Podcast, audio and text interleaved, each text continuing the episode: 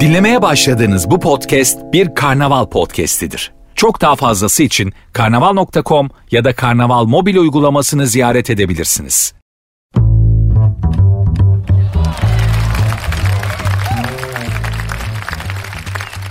Herkese merhaba. Sert Ünsüz başladı ben Nuri.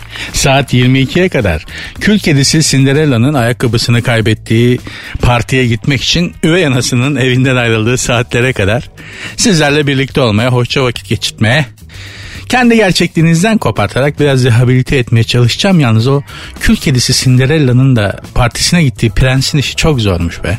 Yani düşünsene bir tane kıza aşık oluyorsun görür görmez. Bütün gece dans ediyorsun. Saat 12'de birden kız tüyüyor. Aceleyle ve bir tek ayakkabı kalıyor geriye. Ve başka şansın yok. Yani kızı ayakkabıdan buldun buldun. Şimdi olsa 80 aplikasyondan, Whatsapp'ından, bilmem nesinden, Face'inden her yerinden girer çıkar. Kıza bir şekilde ulaşırsın. O zaman da düşünsene kızın bir tane ayakkabısı kalmış geriye. O da 36 numara taraklı. Ve bütün ülkedeki kızları denettiriyorsun ki hangisini olursa benim prenses olur diye. Gerçekten hani zor çağlardan geçmişiz öyle diyeyim. Şimdi birbirimize ulaşmak ne kadar kolay. Bakın ben A diyorum Kuzey Kutup Dairesi'nden Güney Kutup Dairesi'ne kadar Avustralya'dan Bering Boğazı'na kadar her yere gidiyor bu yayın.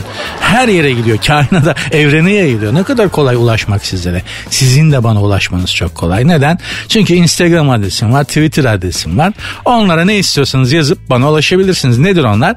Programın sert ünsüzün Instagram ve Twitter adresleri aynı hanımlar beyler. Sert unsuz yazıp sonuna iki alt tire koyuyorsunuz. Sert unsuz sonunda da iki alt tire var.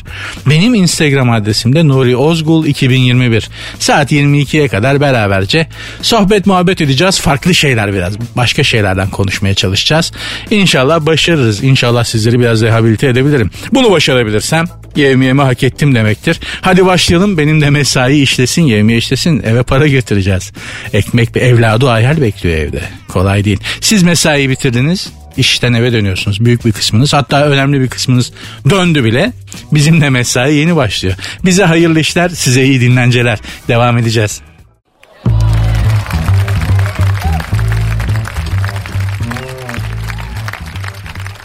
Milli takımdan bahsetmek istiyorum. Futbol bahsine çok girmek istemediğimi, bu konudan çok bahsetmeyi sevmediğimi programın müdavimleri bilirler. Hasta bir Beşiktaşlı olduğumu, Beşiktaş maç kaybedince birkaç gün morali bozuk dolaşacak kadar e, Beşiktaşlı olduğumu gene program müdavimleri bilirler ama ben programı tasarlarken futboldan, siyasetten ve dinden pek bahsetmemeyi düşünmüştüm ve böyle tasarlamıştım. Ama öyle bir şeyler oluyor ki bahsetmek gerekti artık milli takımla alakalı bir şeyler söylemek istiyorum hanımlar beyler. Milli takım biliyorsunuz playoff oynayacak Dünya Kupası'nda. O ne demek bilmiyorum. Yani şöyle ya gene doğru dürüst bir şey başaramadık. Orası kesin de. Ama havaya bakarsınız hadi bizim çocuklar, hadi aslanlar, hadi. Bu neyin gazı lan? neyin gazı bu yani? Burası bir ortalama insanlar ülkesi. Hepimiz ortalama olmayı marifet saymış insanlarız.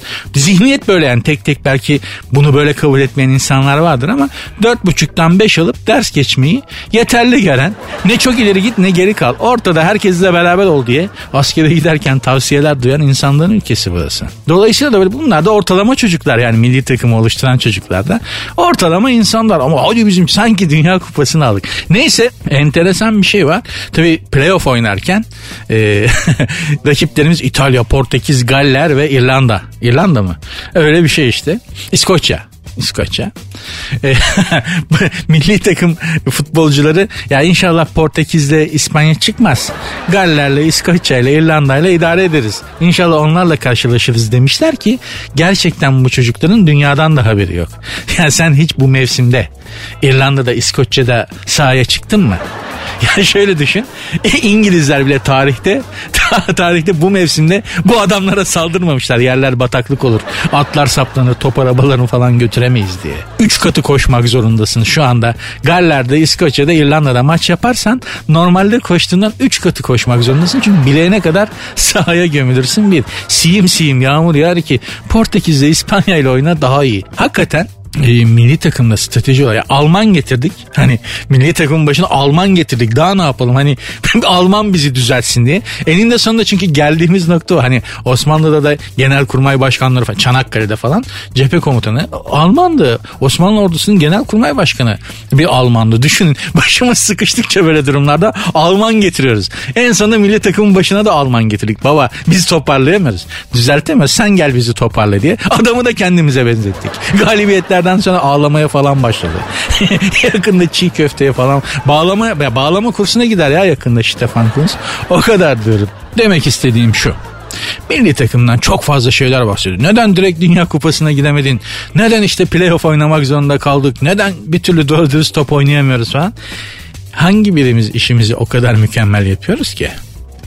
Hangi birimiz? Ben dahil yani. Hangi birimiz işimize o kadar mükemmelliyetçi olarak, bir mükemmelliyetçi olarak işimize asılıyoruz ki? Öyle olsak zaten ülkenin hali bu olmazdı yani. Dolayısıyla tek tek vardır. Her zaman söylüyorum yani. Tek tek işini gerçekten çok iyi yapan insanlar var. Ama fotoğrafın geneline bakınca işte bir ortalama insanların ülkesi burası. Bizler ortalama insanlarız ve milli takımımızda ortalama insanların oluşturduğu bir topluluk. Dolayısıyla elde ettiği başarı da ortalamanın biraz üstü. Ya da ortalamayı anca tutturuyor. Bu çocuklardan çok fazla şey beklememek lazım. Dünya Kupası'na gitme ihtimali bile yani gitme ihtimali bile yeteri kadar bizi tatmin etmeli. Çünkü zaten şeyimiz bu. Hani hedeflediğimiz level bu. Dolayısıyla hanımlar beyler milli takım ve Türk futbolu eşittir. Biz neysek o. Bunu böyle değerlendirmek fazla da şey etmemek lazım. Sert söz devam edecek.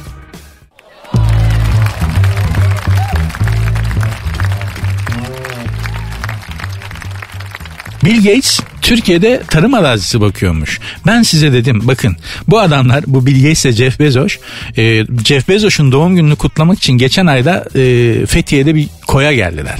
Böyle ultra lüks yatlarıyla Fethiye'de koya demirlediler. Bu Bill Gates falan epey bir karaya çıktı gezdi bu ikisi Jeff Bezos'la. Türkiye'de. Ben dedim ki bak bu tekneler milyon dolar mazot yakıyor. Bunlar parayı böyle böyle sıkan adamlar. Sen ben ancak böyle hovardalık yaparız. Amerika'dan buraya gelene kadar milyon milyon dolar yakıt yakıyor. Bu adamlar bu yakıtı boşa harcamaz. Sırf Fethiye'de bir koyda doğum günü kutlamak için. Bu adamlar bu parayı yakmazlar. Bill Gates dediğin adam bilgi istediğin adam bir tane kablolu mouse'un parası kasaya girmese hasta olur ya. Hasta olur. Bunlar bu derecede paracı adamlar. Bu masrafı yapıyorlarsa sadece doğum günü kutlamak için değildir. Bunların Türkiye'ye gelmelerinin altında başka bir sebep var ama dur bakalım kokusu çıkar demiştim çıktı. Bilgesi o geldiğinde karaya çıktı ya tarım arazisi bakmış baba. Sürdürülebilir tarım yapacakmış Türkiye'de. Amerika'da yapıyormuş. Amerika dışında da nedense Türkiye'de e, sürdürülebilir tarım yapası gelmiş babanın. Bu Bill Gates gerçekten böyle gizli ajandaları çok olan bir adam. Biliyorsunuz yapay et yiyelim dedi. Hayvancılık küresel ısınmaya sebep oluyor. Hayvancılığı bitirelim ama et yemekten vazgeçmeyelim. E ne olacak? Laboratuvarda et üretelim, yapay et. Et olarak onu tüketelim dedi bu Bill Gates. Yedirir de bu yakında yapay eti bize. Hani yakında kasaba gideceksin. Bana diyeceksin ki antrikot ver. Yani eğer et alabilecek ekonomi durumun varsa hala burayı başlayalım. Eğer et alabilecek ekonomik durumun varsa hala kasaba gidip diyeceksin ki bana yarım kilo antrikot ver. Çok büyük hayal be. Öyle bir delikanlı var mı? Yekten girip bana yarım kilo antrikot ver. Vallahi helal olsun. Ya bu ekonomide kasaba girip de bana yarım kilo antrikot ver. Ama büyük kabadayılık. Ha bundan daha büyük delikanlılık yok. Öyle söyleyeyim. Kahramanlık ya resmen. Madalya falan verilmesi lazım o adama. Büyük büyük iş yani. Neyse diyelim ki öyle yani kasaba girip yarım kilo antrikot var dedin. Şimdi ne yapıyor kasap? Açıyor dolabı eti alıyor kesiyor işte antrikotu sana veriyor. Bu bilgesin dediği olduğu zaman kasaba girip gene diyeceksin ki yarım kilo antrikot ver bana diyeceksin. Bir dakika diyecek. Bilgisayarda tuşa basacak. 3D 3 boyutlu printer antrikotu dökmeye başlayacak. Print etmeye başlayacak. Bilgesin yapay et yiyelim dediği o. Eskisi gibi böyle hayvan mayvan yok. Printer'dan basacak sana eti adam. 3 boyutlu 3D printer'dan sana et basacak. Öyle olacak. Adamın hayal ettiği dünya bu. Ve bu adam geliyor Türkiye'de tarım yapmaya başlıyor. Jeff Bezos, Bill Gates bunlar kapıdan sokulacak adamlar değiller. Yapmayın etmeyin gözünüzü seveyim. Bak bu adamları bu Bill Gates'i bu Jeff Bezos'u memlekete bu kadar sokmayın. Bunlar yarın öbür gün buğdayın tamamına çökerler. Ekmeği bize Bill Gates satar. Yapay et yiyelim diyen adam. Ekmek ekmek işinde kim bilir bize neler yedirir düşünebiliyor musunuz? Aman Allah korusun. Ama bak Bill Gates'in numarası açığa çıktı. Ben Jeff Bezos'tan da bir numara bekliyorum Türkiye'ye dair. Dur bakalım ne çıkacak. Allah sonumuzu hayretsin. Programın Instagram ve Twitter adresleri aynı. Sert unsuz yazıp sonuna iki alt tere koyuyorsunuz. Benim Instagram adresim de Nuri Ozgul 2021. Devam ediyoruz.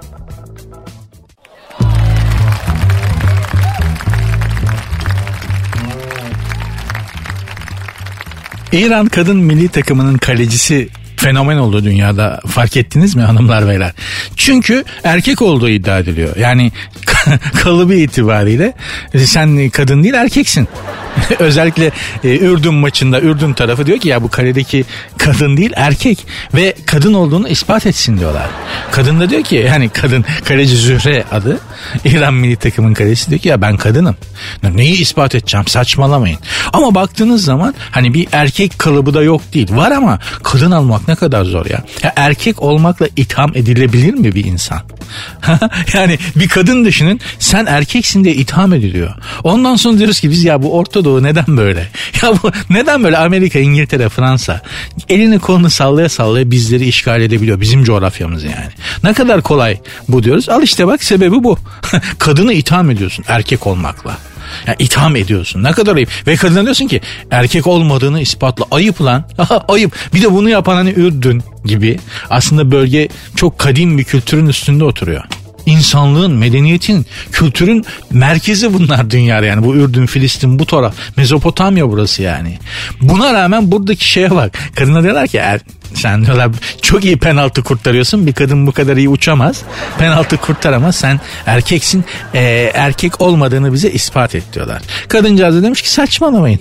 ben kadınım ne erkeği. Allah lillah aşkına. Siz hiç Peter Çekin, Schumacher'ın kadın olmakla itham edilebileceğini düşünebiliyor musunuz? Ya böyle bir şey olabilir mi ya? Ya düşünsene mesela Schumacher hani Peter Schumacher e, Manchester United'ın efsane kalecisi. Parlak bir adamcağızdı şimdi.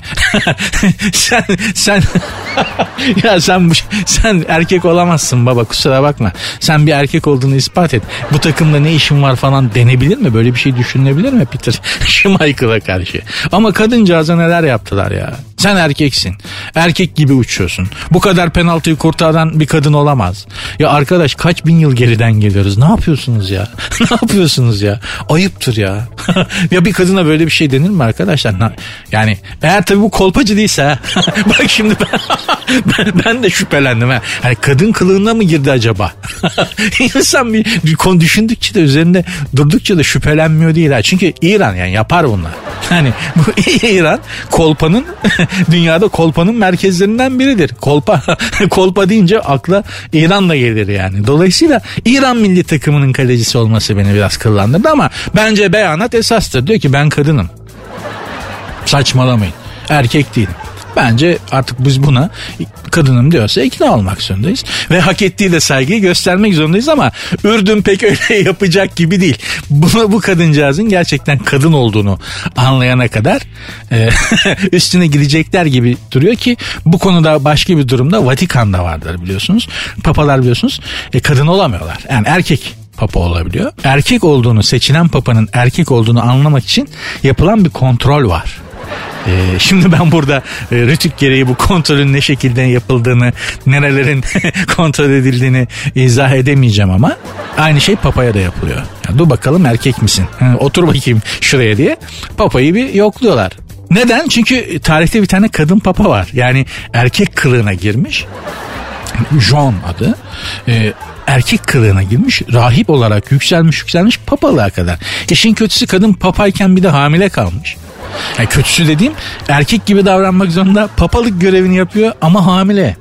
O olaydan sonra Papa'nın lan gerçekten erkek mi değil mi diye bir kontrol edilmesi gibi bir gelenek ortaya çıkmış ki Papa seçildikten sonra bir yoklama yapılıyor papalara. Bir de böyle bir durum var. Tarihten de bir örnekle bu saçmalığı yani bu İran kadın milli takımının kalecisini erkek olmakla itham etme saçmalığını tarihsel bir anekdotla da süsleyeyim dedim. Yani sadece bizde yok.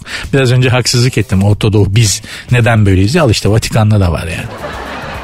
Yapacak bir şey yok. İnsanlık böyle. Devam edeceğiz.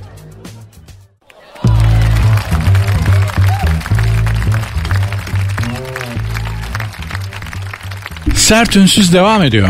Seviyorsan Git Ayrıl Bence adlı tiyatro oyununun galasına Selen Görgüzel ile İrfan Kangı'nın öpücük sahnesi damga vurmuş. Nasıl vuruyor? Türkiye'de olur öyle. Yani dünyanın başka bir yerinde öpücük sahnesi hiçbir şeye damga vurmaz ama Türkiye'de bir insanın başka bir insanı öpmesi e, ülkeye damga vurabilir. Haberi yapan kişinin adı yazmıyor ama ona onun fikrine göre bu öpücük de bütün Türkiye'ye damga vurmuş. Bana denk gelmedi o damga. Size denk geldi mi bilmiyorum ama şöyle bu öpücük sahnesi var. Bir öpücük sahnesi varmış oyunda ve bu sahne öncesi İrfan Kanga adlı erkek oyuncu oyunu durduruyor öpücükten önce seyirciye dönüyor ve böyle söylüyor. Bu sahnede öpücük olması gerekiyor ama Hamdi abi de burada diyor. Öpmesi gereken kadın oyuncu o sırada oyunu izleyen Hamdi Alkan'ın hanımı. E, dolayısıyla tiyatro oyununu, oyunun erkek oyuncusu oyunu durduruyor diyor ki ya burada diyor şimdi bu hanımefendiyi rol gereği öpmem gerekiyor ama kocası burada seyirci ediyor buna ha. tiyatro oynanıyor yani oyun. E, affedersiniz öpebilir miyim? bayana diyor. Hamdi Alkan da e, yol veriyor. Öp. Öp diyor. Öpüyorlar. Bu. Ya arkadaş bu tiyatro oyununun ya tiyatro dediğimiz kadim bir sanattır. Mağarada bile tiyatro yapmış insanlık yani. Böyle bir saçmalık görmüş mü? Böyle bir abukluk mağara devrinden beri tiyatro sahnesinde vaki olmuş mu bilmiyorum. Hakikaten çok acayip memleketiz ya. Hakikaten çok acayip memleketiz. O zaman öyle bir sahne koyma. bir de adama dönüyorsun. Ne diyecek adam yani? Adama dönüyorsun diyorsun ya e, rol gereği buradaki hanımefendi eşinizi öpmem gerekiyor öpebilir miyim? O da diyor ki öp. Bunun kendisi tiyatro zaten. Hanımlar beyler Shakespeare mezarından kalksa e, kitaplarını yakar.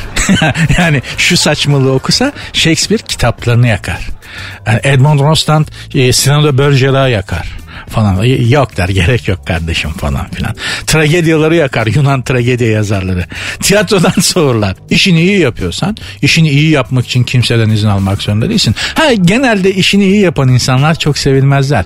Öteki ortalama yapan insanlar bundan rahatsız olurlar. Yani bu konuda çok enteresan örnekler vardır. Hani müşavirler var mesela. Şimdi kimin müşavirleri olduğunu söylemeyeyim. Vakvaklar ükmesin. O müşavirlerden biri arkadaşımdı. Çocuk diyor ya ben burada bütün gün oturuyorum ve hiçbir şey yapmıyorum. Niye diyor ya faydalı olayım biraz diyor. Çalışmaya başlıyor.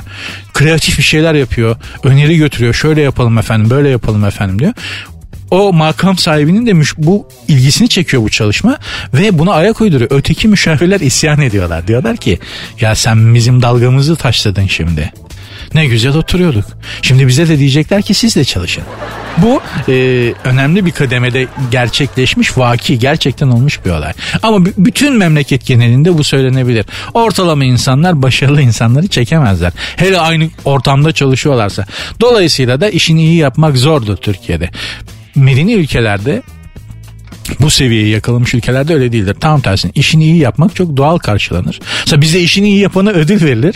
Halbuki zaten yapması gereken odur. Öteki ülkelerde, medeni ülkelerde bu böyle olmaz. İşini iyi yapana hiç kimse bir şey. Aferin bile denmez yani. Aferin bile denmez çünkü yapman gereken odur. Dolayısıyla mesela bizde hani vergi ödedi diye ödül veriyorlar ya lan ödemesi gerekiyor zaten. Zaten ödemesi gerekiyor. Hani vergi rekortmeni işim ne rekortmeni kardeşim adam o vergiyi ödemek zorunda. Kazanmış çünkü o kadar.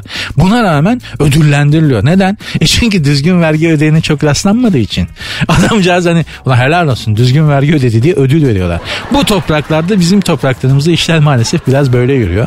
Bugün biraz sert gidiyor program farkındayım. Sert ünsüz ne de olsa. Bugün biraz sert tarafında kaldık işin. Birazdan daha fazla mavra yaparız merak etmeyin. Programın Instagram ve Twitter adresini bu sefer vermeyeceğim. Canberk dedi ki çok sık veriyorsun abi dedi. Canberk kim? Benim patronum. yani dedi ki çok sık Instagram ve Twitter adresi veriyorsun abi dedi. E dedim tamam peki vermeyeyim. Ulaşmayın bana.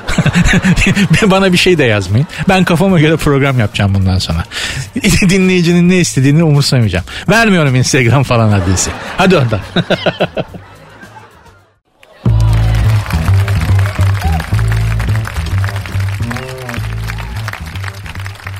Hanımlar beyler sert ünsüz devam ediyor. Denizler kullanılmış Covid maskeleriyle dolmuş. Özellikle geçenlerde mutlaka dikkatinizi çekmiştir. Kocaeli Körfezi'nden sürekli kullanılmış korona maskeleri çıkıyor. Okyanuslarda da durum fena.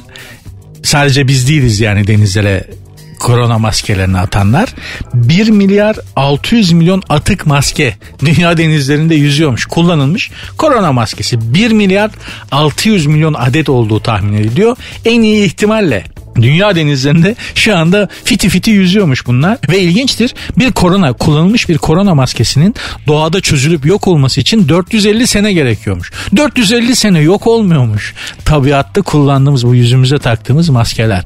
Düşün kullanıyorsun yüzüne takıp kullanıp attığın maske sen ölüyorsun kemiklerin sölme oluyor.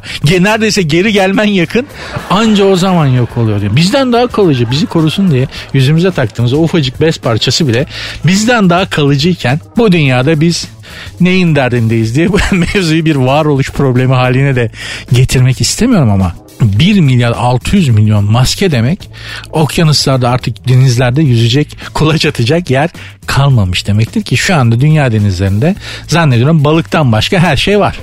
her şey var yani. Kocaeli Körfezi'nden geçen gün yapılan temizlemede e, buzdolabı, çamaşır makinesi merdanesi, e, ayakkabı, teneke, bir balık bir deniz dibi canlısı dışında başka her şey çıkmıştı.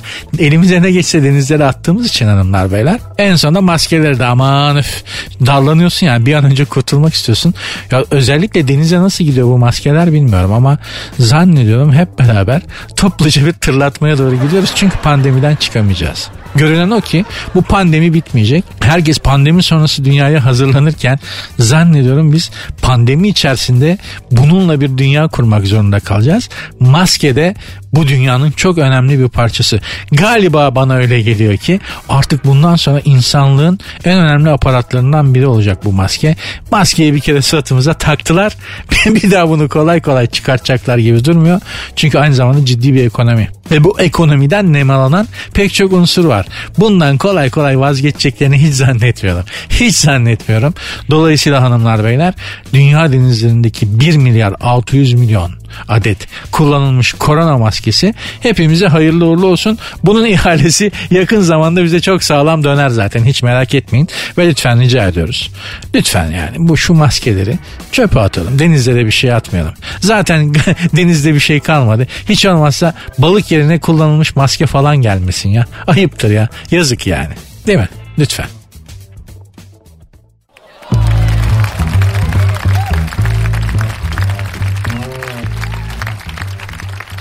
Sert ünsüz devam ediyor hanımlar beyler bir dinleyici sorusu var.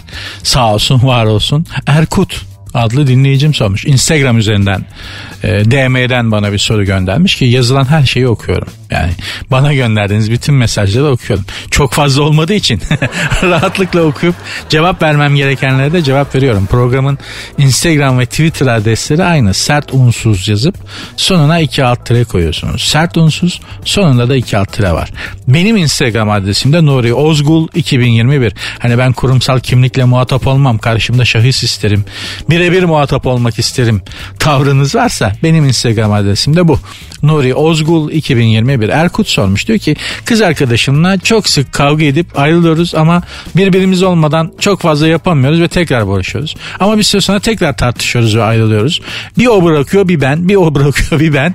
E, ne olacak abi bunun sonunda siz bilmiyorsanız ben nereden bilebilirim ama biliyorum. Yani ben de yaşadım böyle bir e, durum.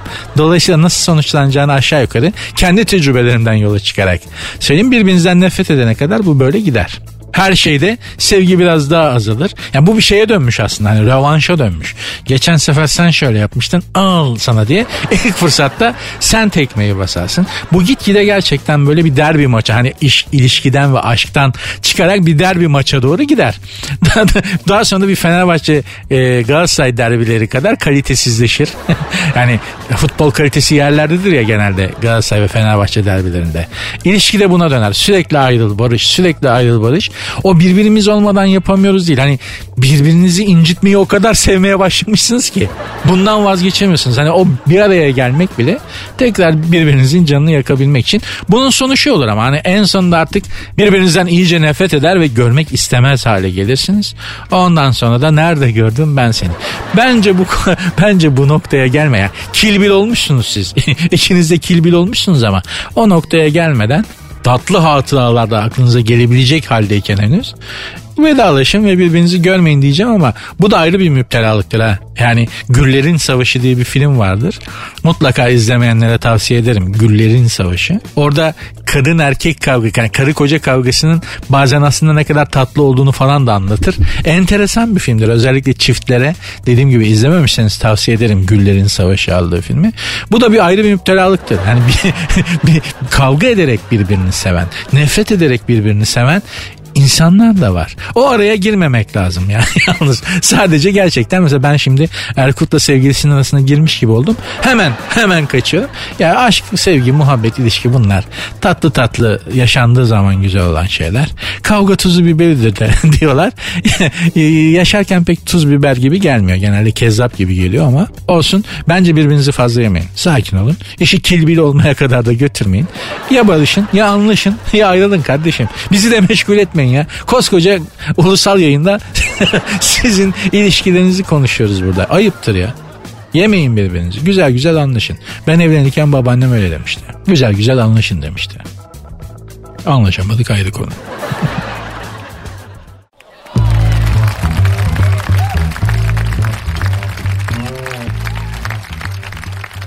Milli takımın Karadağ maçı geçeli çok oldu ama gazetelerde hala Karadağ'la ilgili Karadağ maçı ve Karadağ o şehirle ilgili Montenegro ile ilgili e, yazılar var.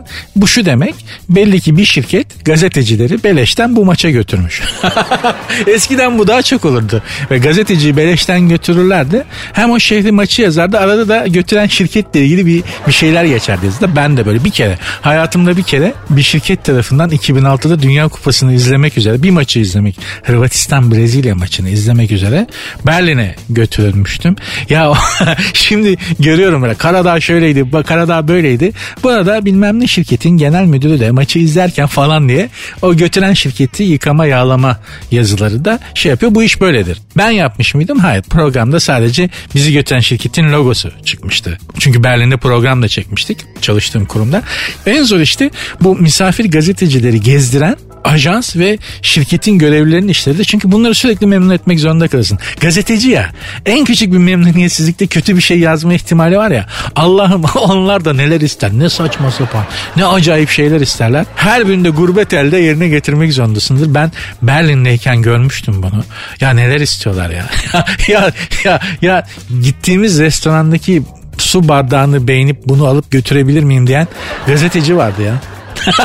Cidden bak. Ya şunu takım hani dört tane alıp da götürebilir miyiz acaba? Çok güzelmiş bunlar. Çok hoşuma gitti diye e, su bardaklarını götürmek isteyen ve şirket görevlisi ve ajans görevlisini bunun için restoran müdürüne yollayan gazeteci vardı. Düşünün yani hani şey bu, hal. O yüzden herhangi bir gazetede bir şeyde evet şu maça gittik. Maç öyleydi böyleydi. Bu arada maçı bilmem ne şirketinin CEO'suyla izledim. Çok başka bir adam. Çok güzel projeleri var falan filan diye bir yazı okuyorsanız onun o, şu demektir ya beni beleşten bir maça götürdüler. ben burada beni de beleşten gezdirip yedirip içirdiler. Arada da işte şirketle ilgili bir şeyler yazıyorum. İdare edin beni yazısıdır o. Siz de okuduğunuz zaman fazla üzerinde durmayın hemen geçin. Hiç sizle alakalı bir şey değildir o. Tamamen sakalla ilgili bir durum yani. Fazla önemsemeye gerek yok bu tür yazıları. Aklınızda olsun diye söyledim. Başka biri bunları size böyle izah etmez.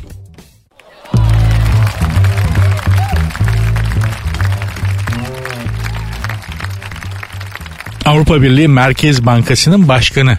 Kendisini Avrupa'daki yükselen enflasyondan dolayı sorumlu tutmuşlar. Çok şık ve pahalı da giyiniyormuş kıyafetlerinin falan fiyatlarının olduğu bir şey basmışlar. Bütün Avrupa bu kadının lüks yaşamını, pahalı harcamalarını görsün ama enflasyonun da Avrupa'daki enflasyonun da sorumlusu bu kadın diye haber yapmışlar. Şimdi bunlar gerçekten yaşayamazlar. Hani zannediyorum 2. Dünya Savaşı'ndan beri enflasyona çok fazla alışık olmadıkları için bu garibanlar bir şeyin fiyatının artması Almanya'da özellikle çok garip gelebilir. Mazhar Alanson anlatmıştı. Yani ben çok şaşırıyordum demişti. Avrupa'ya gidiyoruz bir mağazada gitar bakıyoruz. İşte 15 euro. 5 sene sonra bir daha gidiyorum gene 15 euro. Ya işte 15 mark. 15 sterlin. 5 sene sonra gene gidiyorum 15 sterlin. Ya bu nasıl olabiliyor? Buna benim aklım ermiyordu diyor. Gerçekten bizde de hiçbir şeyin fiyatı hiçbir zaman sabit durmadığı için. Biz de onu akıl erdiremiyoruz. Ya bir şeyin fiyatı nasıl olur da 5 senede değişmez diye. Biz de bunu akıl erdiremiyoruz. Ama oluyor. Şimdi de Avrupa enflasyonla karşı karşıya ve bu garibanlar daha çok şaşıracaklar. Bünyeleri alışık değil gördüğünüz gibi. Bizim bünye nelere alışık. Şimdi Z kuşağı, yeni kuşak 2000'den sonra doğan arkadaşlar. Hatta 1995'ten sonra doğan arkadaşlar çok bilmiyorlar hiç bilmiyorlar hele ama ben %110 enflasyon gördüm. Yani bu bünye %110 enflasyon gördü ya. Ne düşünebiliyor musunuz? Ve hayatta kaldım. Çok da şey değil ha yani bundan 25 sene önce falan. Gerçi çok da değil dedim ama yani çeyrek yüzyılmış ya. Ama gene de e, hatırlayabiliyorum. Çok net hatırlıyorum. Yani %110 enflasyon gördüm. Dolayısıyla da bizi öyle kolay kolay gıdıklamaz. Genç kuşak, Z kuşağı, Y kuşağı arkadaşlar da şey diyebilirler. Ya ama biz bilmiyoruz biz nasıl alışacağız merak etme senin de genlerinde var. yani 300-400 senelik yokluk fakirlik e, çeken bir halkın çocuğusun merak etme. Birebir yaşamadıysan da genetik haritanda historik e, gen, genlerin historisinde de kayıtlı merak etme. Sen de %110 enflasyon görsen bile bir şekilde hayatta kalmayı başaracaksın çocuğum. Hiç korkma hiç endişelenme merak etme. Zor evet kolay değil ama Avrupalı için daha zor. %10 enflasyon gördü adamlar kıyamet koptu zannediyorlar. İşte size söylüyorum ben %110 enflasyon gördüm. Benim yaşıtlarımın hepsi gördü. Hepimiz hayatta kaldık bir şekilde zor zamanlarda ama hayatta kaldık. Merak etmeyin siz de görürseniz eğer enflasyon çok yüksek enflasyonlar hayatta kalacaksınız çocuklar. Size bir şey olmayacak. Dayanıklı ya idmanlısınız anlatabiliyor muyum? Yaşamamışsanız bile historinizde var, mazinizde var. İdmanlısınız. Hiç merak etmeyin. Size bir şey olmaz. Bu Avrupalılarla Amerikalılar korksun. Asıl film onlarda. Bakın onları seyredip biz daha çok eğleneceğiz. Çok güleceğiz. E, vaktiyle de onlar bizde makara yapmıştı. Kusura bakmasınlar yani.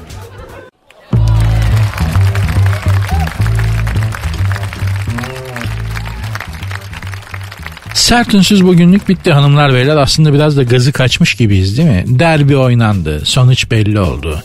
İşte dolar kuru dolar rally yaptı. O oldu bu oldu derken önümüzde pek bir heyecan da kalmadı yani. Hani dikkatle bakarsanız önümüzdeki günlere kişisel olarak değil ama hani genel olarak bizi heyecanlandıracak ne var ki? Rutin devam ediyor. İşte bir derbi maçı bekliyorduk. O da futbol meraklıları. Bir dolar bir yukarılara gitti. Döviz bir heyecanlandırdı. Olumsuz manada da olsa.